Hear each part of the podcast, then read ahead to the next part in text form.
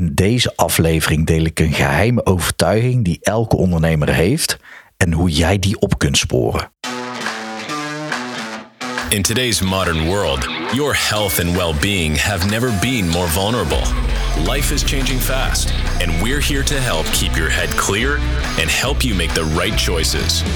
Welcome to the Paul Veth Podcast, a podcast dedicated to leadership, business, mindset, spirituality, and more.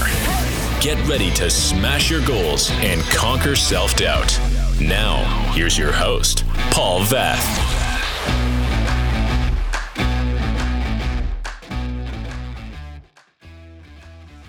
In deze aflevering wil ik het met je hebben over Erik, Wigert, Jeroen, Donny, Sander, Ray.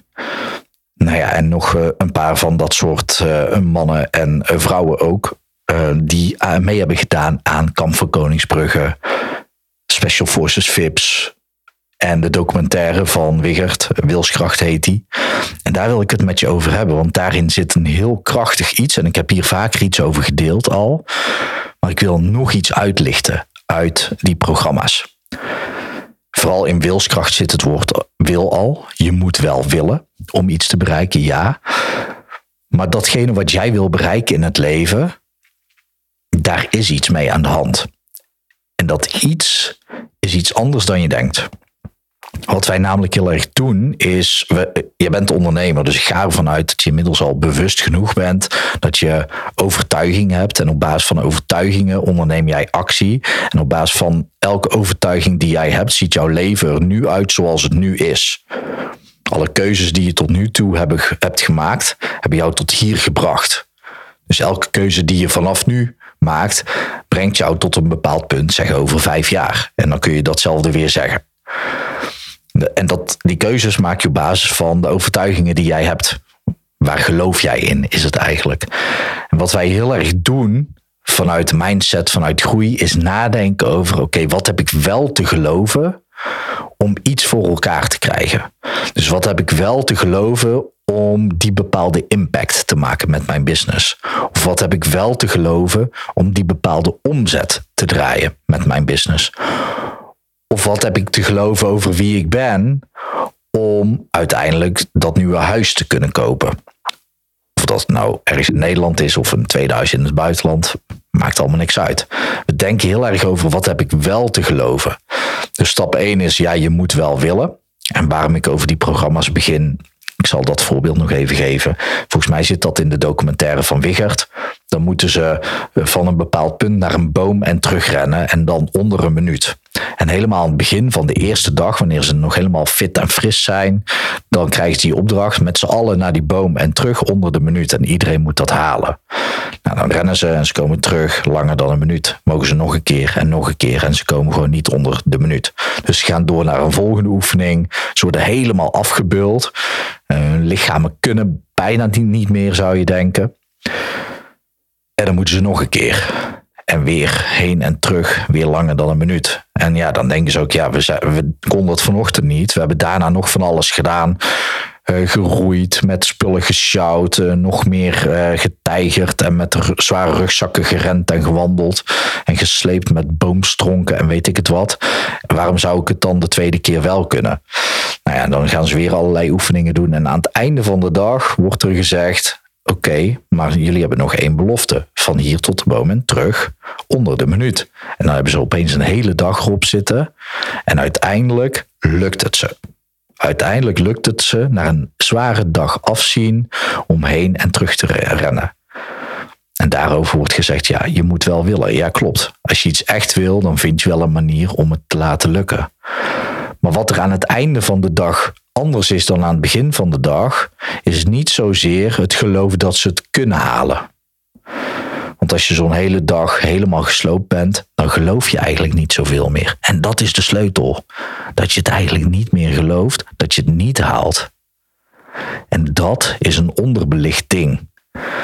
Ik zei al, we doen alle, allemaal ons best om, als we ergens naar een doel streven, dan gaan we het visueel maken. Of door middel van een vision board, vaak nog vaag, of gewoon letterlijk gewoon scores, meten, meetbaar maken van resultaten. zowel in je privéleven als zakelijk, en dan gaan geloven dat het haalbaar is. Alleen waar we dan vaak geen rekening mee houden, is dat er onbewust bepaalde overtuigingen zijn die jou ervan weerhouden om datgene te halen wat je wil behalen. Zo al kun jij elke dag in de spiegel zeggen: Ik geloof dat het haalbaar is, ik geloof dat ik het haal. Of zelfs de manifestatiemanier: Ik heb het al gehaald. Daarin ga je dus wel geloven dat je het wel haalt. Maar als jij onbewust ook nog gelooft dat het niet haalbaar is voor jou, want het is niet voor jou weggelegd bijvoorbeeld. Of jij kan het niet. Iedereen kan het, maar jij niet. Het is maar net wat jij, wat jij gelooft daarin. Maar heel veel onbewuste overtuigingen liggen daaronder. Hé, hey, dat is niet voor mij. Ja, mijn buurman die kan het zelfs, maar ik niet. Het is niet voor mij. Ja, zelfs al zou ik dat grote huis kunnen kopen, dan voel ik me nog steeds niet succesvol. Want succesvol voelen, of mezelf gelukkig voelen, of mezelf rustig voelen, rust in je hoofd, rust in je hart, rust in je lijf, dat is niet voor mij. En dan gaat het er dus helemaal niet om of dat je je best hebt gedaan om te geloven dat je iets wel kan halen, dat dat wel haalbaar is voor jou. Het gaat er echt om dat je het geloof weghaalt dat iets niet haalbaar is. En dat gebeurt aan het einde van zo'n dag, dat ze heen en weer moeten rennen, van hier tot bomen en terug binnen de minuut. Daar denken ze niet meer. Alles is van ze afgevallen. Er is niet meer dat stemmetje die zegt: ja, jij kan het niet of jij haalt het niet. En misschien is er ook wel wat adrenaline of zijn ze ook wel een beetje opgepompt om het toch te halen. En dat is meer daadkracht. En wilskracht gaat over de kracht van de wil. Als je iets echt wil, krijg je daar energie van. Daadkracht bedenk je, gedachtekracht, wilskracht geeft kracht. Dus daadkracht kost kracht, wilskracht geeft kracht. Dus natuurlijk helpt dat mee. Maar vooral het wegvallen van het is niet haalbaar. Want die gedachte, daar is gewoon geen ruimte meer voor. En dat is krachtig. Dan is het dus interessant om voor jezelf eens te kijken naar, oké, waar sta je nu? Waar wil je over drie of vijf jaar staan? En dan ook jezelf de vraag te stellen, oké, waarom sta ik daar nu nog niet? Dat is namelijk een, interessant, een interessante vraag om jezelf te stellen. Als je daar al mooie antwoorden uit krijgt, dan kun je daar al belemmerende overtuigingen in vinden. Maar hoe je er vooral achter komt, is op twee manieren. En de basis van beide manieren is dat je doel er eigenlijk niet echt meer toe doet. Maar dat terzijde. Eerste manier. Pak je doel voor over drie à vijf jaar. Dus één moment. Neem dat in gedachten. En maak dat doel eens tien keer zo groot. En dan zorg je ervoor dat dat in je hoofd nog steeds over drie jaar gehaald moet worden. Dat zorgt ervoor dat je totaal anders moet gaan denken. Totaal op een ander niveau moet gaan denken. Want als dat doel, wat nu al heel moeilijk lijkt voor over drie jaar, als dat opeens tien keer zo groot is, ja, dan gebeurt er iets in je brein waardoor je eigenlijk een soort van vrij wordt gespeeld van oude belemmeringen. Want die belemmeringen die kunnen er niet meer zijn, want dan is het niet haalbaar. Dus denk maar eens na over jouw doelstelling pak een tijdsbestek, drie jaar of vijf jaar, maakt niet uit. En zeg bijvoorbeeld over drie jaar wil ik X. Oké, dan maak ik nu uh, in mijn hoofd over drie jaar X maal 10. En ga dan ook aan de slag, bewust aan de slag met bedenken hoe je dat kunt bereiken. En als je daar even mee bezig bent, zeg vijf minuten of tien minuten, dat je bezig bent met het bedenken van hoe is dat haalbaar binnen drie jaar, x keer tien. Denk dan eens aan het heden, aan het nu en waarom je daar nog niet staat. En dan wordt er opeens een hele hoop voor je duidelijk. Je moet echt de oefening doen, dus niet alleen maar luisteren. Want dan denk je, oh ja, dat doe ik misschien nog wel een keer. Of, oh ja, is dat zo? Maar door het doen van de oefeningen breid jij jouw uh, brein uit. Verspreid jij eigenlijk jouw aandacht, waardoor de aandacht afvalt van de tunnelvisie waar jij in zit. En op het moment dat je dat doet, zorgt dat ervoor dat je veel sneller ziet wat de belemmerende overtuigingen van je zijn. En wat je dus hebt te doen om dat op te lossen. En natuurlijk is hypnose een hele krachtige manier om dat op te lossen. Maar dat terzijde zou ik zeggen. Oké, de andere manier, een soort gelijk iets. Want soms is het heel moeilijk om een doelstelling te bedenken die keer tien is. Tien keer zo groot. Ik zou bijvoorbeeld denken, oké, over drie jaar wil ik in een bepaald huis wonen. Ja, keer tien is dat huis dan tien keer zoveel waard? Nou, dan is dat echt zo groot. Daar wil ik niet eens wonen. Dus voor mij is dat niet, uh, niet een handige manier. Wat voor mij dan goed werkt, is oké. die datzelfde doel over drie jaar. In mijn geval een huis. Oké, hoe kan ik ervoor zorgen dat ik dat over een half jaar kan kopen?